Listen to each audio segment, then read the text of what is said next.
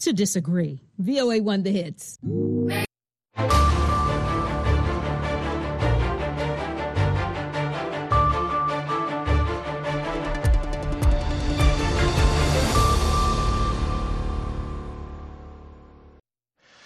Halkani waa washington laanta afka soomaaliga ee v o a oo aad ka dhegeysaneysaan mawjadaha gaagaaban efmyada geeska africa iyo bogga internetka ee v o a somaly com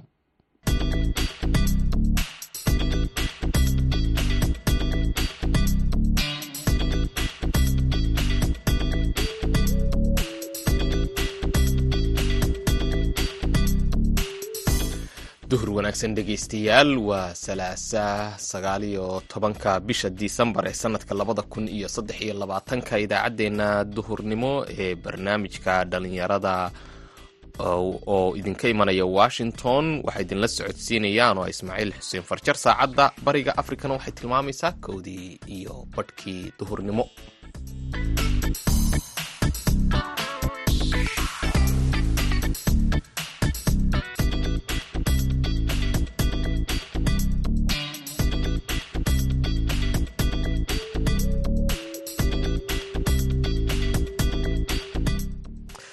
qodobada aad ku maqli doontaan idaacadda duhurnimo waxaa ka mid ah wararkii ugu dambeeyey ee xaaladda deegaano ka tirsan mudug oo ay ciidamada dowladda ay al-shabaab kala wareegeen. Anaga ugu dambeeyey shalay cadali baa shalay galab kala wareegnay. Sheex meel la yidhaahda oo caad ku jirta toban kilomitr ayaan iyo cadali ayaan kala wareegnay shaladii ugu dambeysay. Haddana insha allahu ayakia ku dhex jirnaayo waxaan seefgaraynaynaa eryadii aan shalay la wareegnay waxaan kale oo aan idiin haynaa dood ku saabsan sidii ay u wada shaqayn lahaayeen bulshada rayidka ah iyo dowladda hoose ee qardho oo lagu qabtay halkaasi. Qodobadaas iyo weliba xubintii ciyaara ayaan idiin haynaa marka horese waxaad ku soo dhowaataan warkii dunida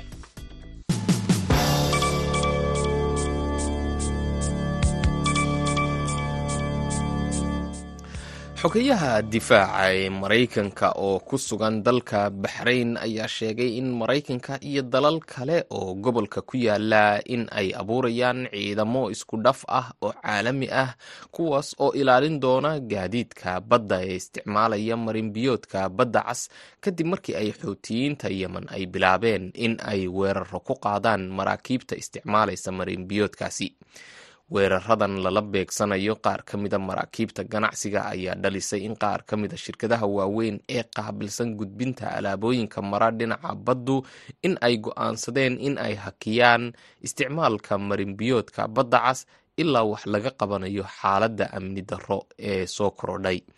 Taliska dhexe ee ciidamada milatariga ee maraykanka ayaa ku soo waramaya in laba weerar ay dhaceen maalinimadii isniinta xogayaha oo arrintan daba socday ayaa sheegay inay go'aansadeen in ay hirgeliyaan aasaasidda howlgalka prosperity guardian kaas oo ah howlgal amni oo caalami ah. Xogayaha difaaca ee maraykanka ayaa sheegay in howlgalkan inay ka qaybgelayaan dalalka ingiriiska maraykanka baxrayn canada faransiiska talyaaniga holland norway seshels iyo spain waxaa kale oo jira dalal kale oo ay iska kaashan doonaan dhinaca ilaalada halka qaar kalena ay wadaagi doonaan xogaha sirdoonka ee dhinaca koonfureed ee badda cas iyo gacanka cadmeed. Waxaa jira dalal iyaguna aqbalay in ay howlgalka ka qayb galaan hase ahaatee ay diideen in magacyadooda la shaaciyo sida uu sheegay mas'uul ka tirsan waaxda difaaca ee maraykanka oo ka gaabsaday in magaciisa la shaaciyo madaxa hay'adda sirdoonka ee maraykanka ee c i a ayaa gaadhay yurub si uu uga qayb galo wadahadallo dhex maraya mas'uuliyiin ka kala socda israa'iil iyo qatar. Dhinacyadan ayaa ka wada hadlaya in la gaadho heshiis cusub oo xabad joojin ah iyo in la sii daayo maxaabiista israa'iil laga haysto arrintan ayaa ku soo beegmaysa xilli uu xogayaha difaaca ee maraykanka uu kala hadlay saraakiisha milatariga ee israa'iil sidii ay hoos ugu dhigi lahaayeen dagaalka ay ka wadaan khaza ilaa haatan ma muuqato wax astahan ah oo muujinaysa in si deg deg ah loo soo afjarayo dagaalkan socday muddada labada bilooda ee geystay khasaaraha ballaadhan iyo burburka waxaa sii kordhaya cadaadiska la saarayo israa'il iyada oo xataa saaxiibadii u dhowaa israa'il oo ay ka mid yihiin faransiiska ingiriiska iyo jarmalku ay ku biirayaan baaqyada caalamiga ah ee lagu dalbanayo xabad joojin deg deg ah debadbaxayaal u dhashay israa'il ayaa ka dalbaday xukuumadda netanyahu in ay dib u bilowdo wadahadaladii ay la lahayd xamaas ee lagu soo daynayay maxaabiista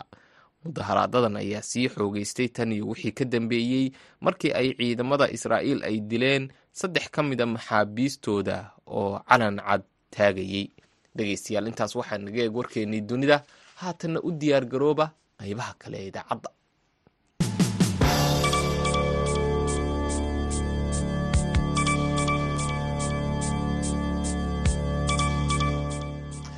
duhur wanaagsan dhegeystayaal laanta afka soomaaliga ee v o a washington idinka imanaysa ayaad naga dhegeysanaysaan aan ku bilownay howlgallo ay sameeyeen ciidamo ka tirsan dowladda soomaaliya kuwa maamulka galmudug iyo kuwa deegaanka ayaa la sheegay in ay ku qabsadeen deegaano ay hore al-shabaab u joogeen qeybo ka mid a gobolka mudug wararkii ugu dambeeyey ee howlgalladaas ayaa jamaal axmed cismaan. Waxa uu ka wareystay guddoomiye ku-xigeenka waaxda ama degmada wisil ee mudug cabdi cumar maxamuud cabdigaraad.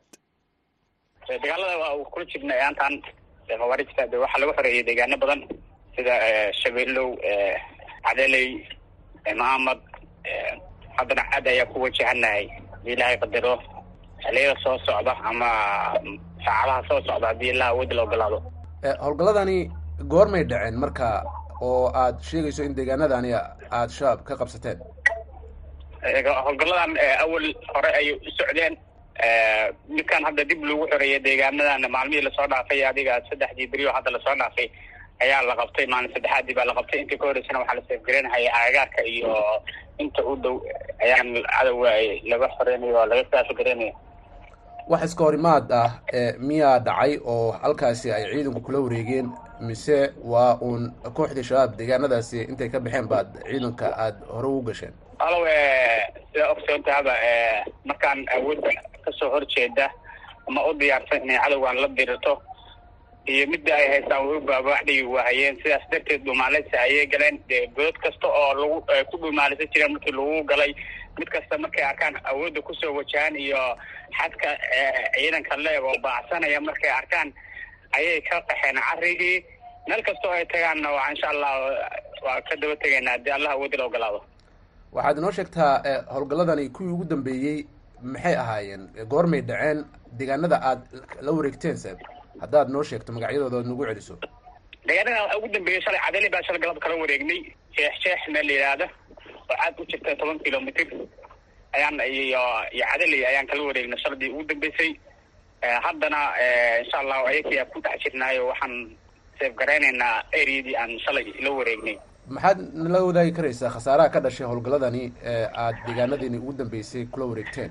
Wax khasaarahaba kama dhalanba ma khasaarahaba kama dhalanba laakiin fadalkoodii iyo raadkoodii iyo godadkoodii iyo alaabtii ka tageen intaba ayaa dul joognaa laakiin wax hadda anaka khasaaraha awalna de khasaaraba maana malaysan anaka jihaad iyo waxaa ku jirnaa raxmadila ayaa malaysanayna waxa dhibaatooda oo adduun iyo aakhiraba halaagsanhayaa waa ayaka haddana anaka wax dhibaataa ilahay nama tusin mar kastana waxaan ku daba joognaa firxadkoodii iyo raadkoodii laakiin waxaa la isweydiin karaa guddoomiye al-shabaab deegaanadani muddo ayay joogeen oo sida aad sheegayso halkaasina muddo ayaa dagaallo ay ka dhacayeen maxaa keenay inaa hadda aad tidhaahdaan waan la wareegnay oo wax dagaala iyadoo aan goobta ka dhicin. Waxaa keenay waa dareemi kartaa awal waxaa la diriirhaya dad ama dawlad ama dad qaasa oo dad awoodya laakiin hadda shacab iyo dawlad iyo qof kasta cadow ayay ku noqotay.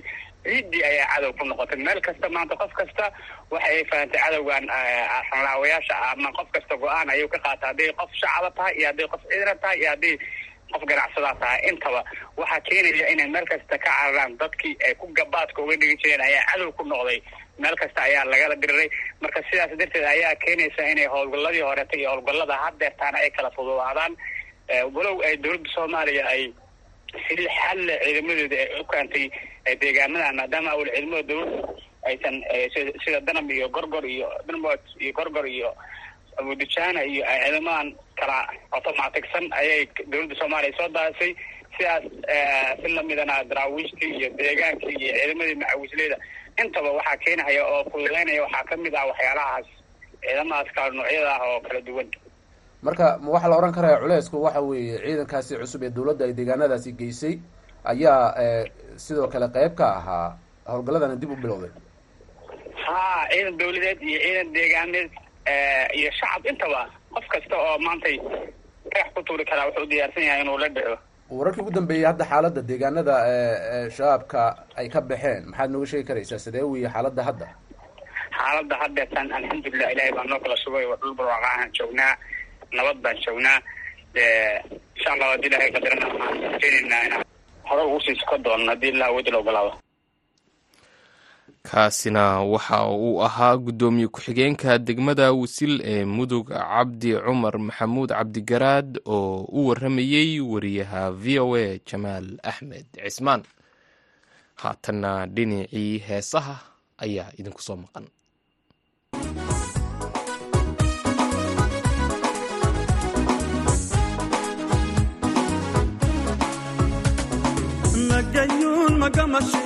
magayuun magamashiin magomodin magagixin magabloolin mangurin magabin halkaygiye gabaydiina maandayn geeraaraadaydii iminkan gardaagsho angunaanadine horti niman gunteediyo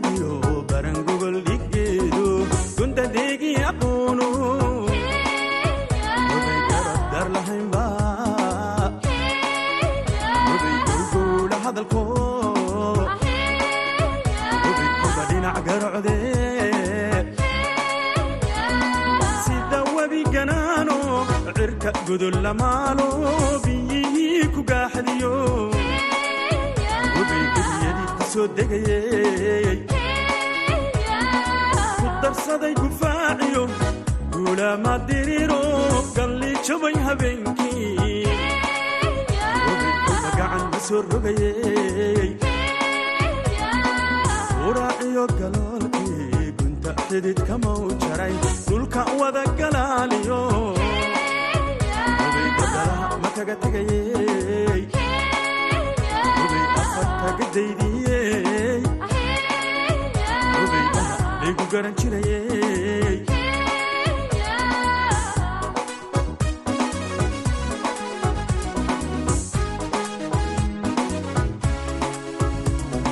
Gurmashada dagaalkiyo gulubkiyo colaadaha gobaha nafwaagiyo halkaa laysku gowraco.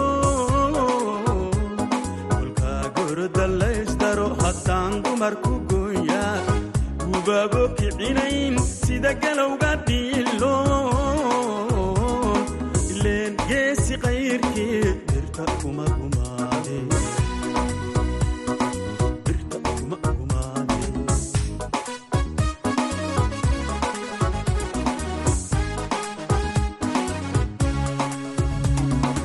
guryasamo barwaaqa dhulka geedo jiifaan haddii geedi lagu furo. Dhallinyaaro iskurataa gurdhan raaca fiidkii dolaweyn ku kulanto. Cagta garangarteediyo isugaysa jiibko googooska luuqiyo. Gedda sacabka loo jaro hablaha garashada codkooda. Qof gaboobay kiciso gelbiskiyo mashxarada gamaka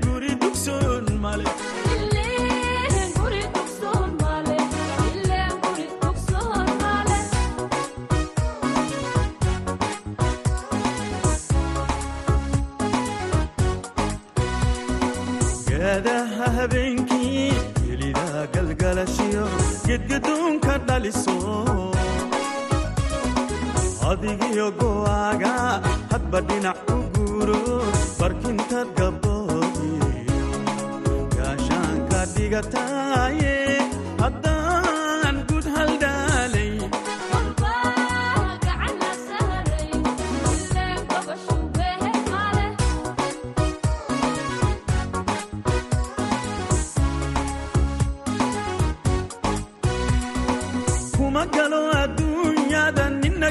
gooni socodko marwo garasho dheerba ninka raga u godino kuma galo adduunyada nina gooni socodko marwo garasho dheerba ninka raga u godino iyadaa guddoonkiiyo garhayaha naftaadiyo gaadiidka reerkiiyo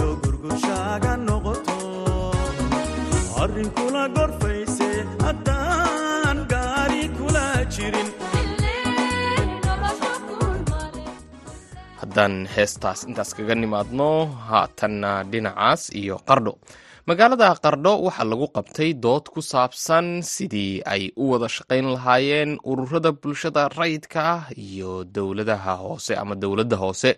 Doodan ayaa waxaa soo qabanqaabiyey dalladda dhallinyarada puntland sida uu warbixintan ku faahfaahinayo yuusuf maxamuud. Yuusuf. Dalladda ay ku midaysan yihiin dhallinyarada puntland ayaa magaalada qardho ku qabatay kulan dood ah iyo falanqayn isugu jiray kaasoo diiradda lagu saarayey sidii ay u wada shaqayn lahaayeen bulshada rayidka ah iyo weliba dowladda hoose. Liibaan maxamed xuseen guddoomiyaha dalladda dhallinyarada puntland ee bayaan oo hadlay waxa uu sheegay in kulankan muhiimaddiisu ay tahay sidii loo xoojin lahaa wada shaqaynta dowladda hoose iyo bulshada rayidka ah oo qayb ay ka yihiin dhallinyarada. Waxaan rabnaa insha allah inaan noqonno inaad noqotid annaguna aan noqonno kuwo ugu dayda matalaadaadana waanu ku niyadsannahay shaqadana halkaa ka sii wad. Ilaahayna ha kula garabgaro adiga golayaasha deegaanka ee la doortay waxaad mud u tihiin dhammaan dhallinyarada soomaaliyeed oo ku haaminaya booska aad maanta inay soo gaaraan oo lagu doonto doorasho qof iyo coda saynu wada ognahay soomaaliya inta ugu badan doorasho kama dhacdo. Marka waxaan rabnaa inaan noqonno dad lagu daydo. Haddii aynan wax bedelin marka waxay noqonaysaa in doorashadiidii iyo dadkii qoraxda taagnaa ay naga niyad jabaan. Dhinaca kale duqa magaalada qardho cabdiqaadir siciid qaal ayaa dhankiisa tilmaamay in wada shaqaynta bulshada iyo dowladda hoose ay muhiim tahay waxaana uu sheegay in dhallinyaradu ay qayb ka yihiin inay la shaqeeyaan dowladaha hoose kuwaasoo ka qayb qaata bilicda. Arrinta ku saabsan qorshayaasha la dejinayo iyo ka qayb qaadashada arrimaha bulshadu bulshaduna aad iyo aad bay u sarraysaa marka qorshe la samaynayo qaybaha bulshada dhan baa lagala tashtaa xaafadaha lagala tashtaa kaamka lagala tashtaa tuulooyinka lagala tashtaa kadibna wasaaradaha iyo isduwayaasha lagala tashtaa. Qaabkaasu maraa qorshaha sanadlaha iyo qorshaha shanta sanoba iyo qorshayaasha kaloo la mid ah marka kulli wixii la qabanayo saasaa la marsiiya hadda waxaa u dambeysay wiil ka hor halkan ku qabanay qorshaha diyaarinta drmk shanta sano soo socota waxaa ka soo qayb galay qaybaha bulshada qaybo ka mid ah oo kala duwan. Hadday tahay culimadii hadday tahay odayaashii hadday tahay haweenkii hadday tahay dhalinyaradii hadday tahay muxuu ahaayey ganacsatadii tuulooyinkii kaamkii kulli waa ka soo qayb galeen. Guddoomiyaasha kala duwan ee dhallinyarada bulshada rayidka ah ee puntland oo hadlay iyaguna waxay xuseen in kulankan ay ku faraxsan yihiin sidoo kalena ay dhiirigelinayaan. Marka in dowladdii hoose iyo bulshadii rayidka halkan wada fadhiyaaniin waxay ka turjumaysaa waxa weeyaan in maanta aynugu joogno shir muhiima maxaa yeelay haddii bulshada rayidka iyo dowladda hoose ka wada shaqeeyaan dhinaca horumarka waxaa imaanaya wax walba in guulo waaweyn laga gaaro. Anigu waxaan ahay guddoomiyihii dalada dhallinyarada gobol karkaar waxaanu mar walba haddaan nahay dalada dhallinyarada gobol karkaar aanu ka shaqayno waxa weeye horumarinta dhallinyarada iyo uqareemidda dhallinyarada. Anta aan u joogaa inaan matalo gabdhaha aqoon-yahanka ah ee ururka hage ururka hage waxaa la asaasay labadii kun iyo labaatan iyo kowdii sababta ugu weyn aan u asaasnayna waxay ahayd inaan bulshada magaalada qardho gaar ahaan inay baahi weyn haweenku ay u qabaaniin in maaragtay ay helaaniin yacni madal ay ku wada tashadaan si madashaa ay uga soo baxdo inay awood u yeeshaaniin inay ka qayb galaaniin wax walba oo markaa deegaanka ka jira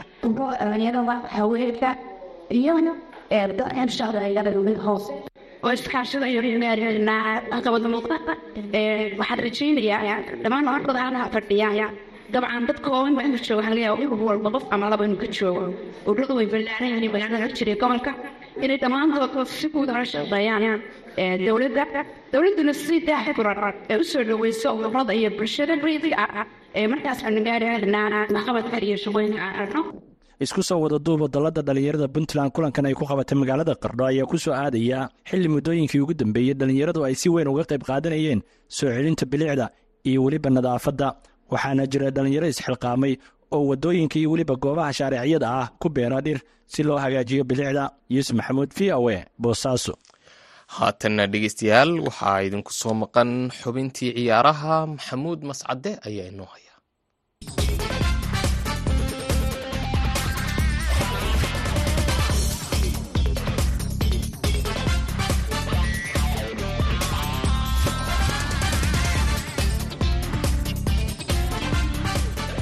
kulan wanaagsan dhegaystayaal dhammaantiinba kuna soo dhowaada xubinta ciyaaraha.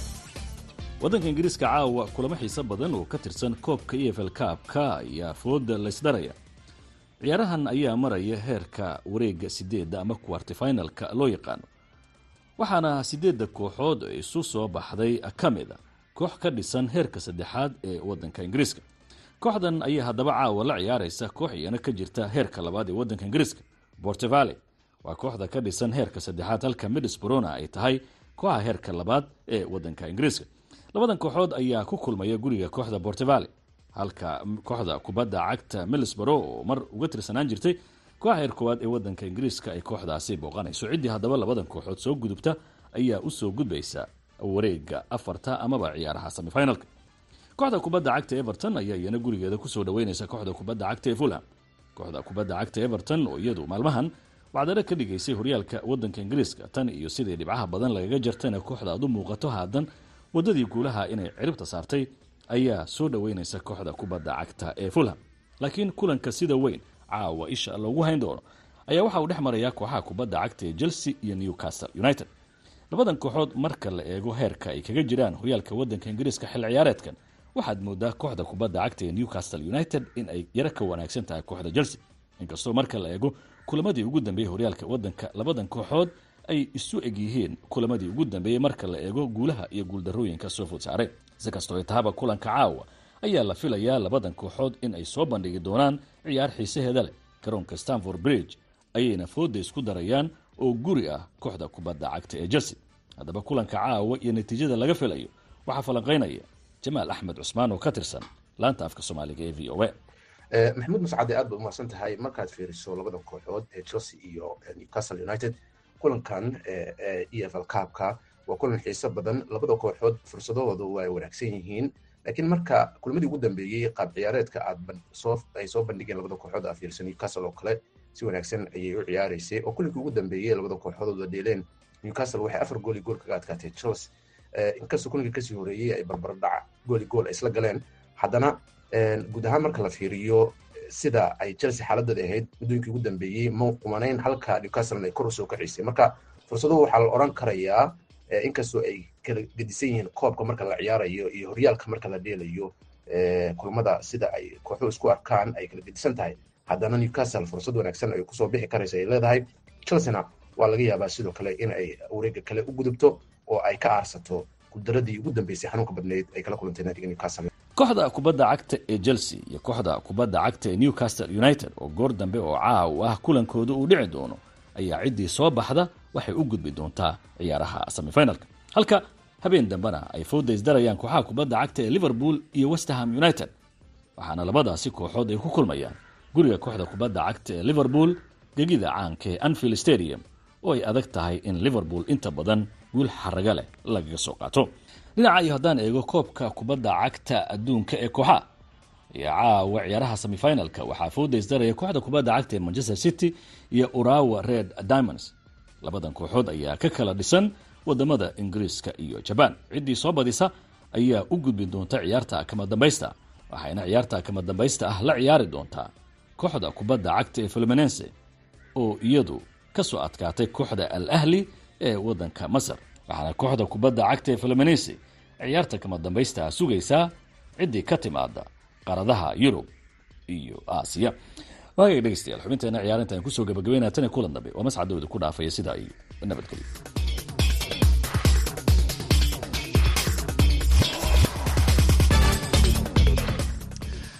Aad buu mahadsan yahay maxamuud mascade oo inala socodsiinayey xubintaasi ciyaaraha. ah la-anta afka soomaaliga v o ead nagala socotaan. Haatanna mar kale waxaan jalleecaynaa dhinacii heesaha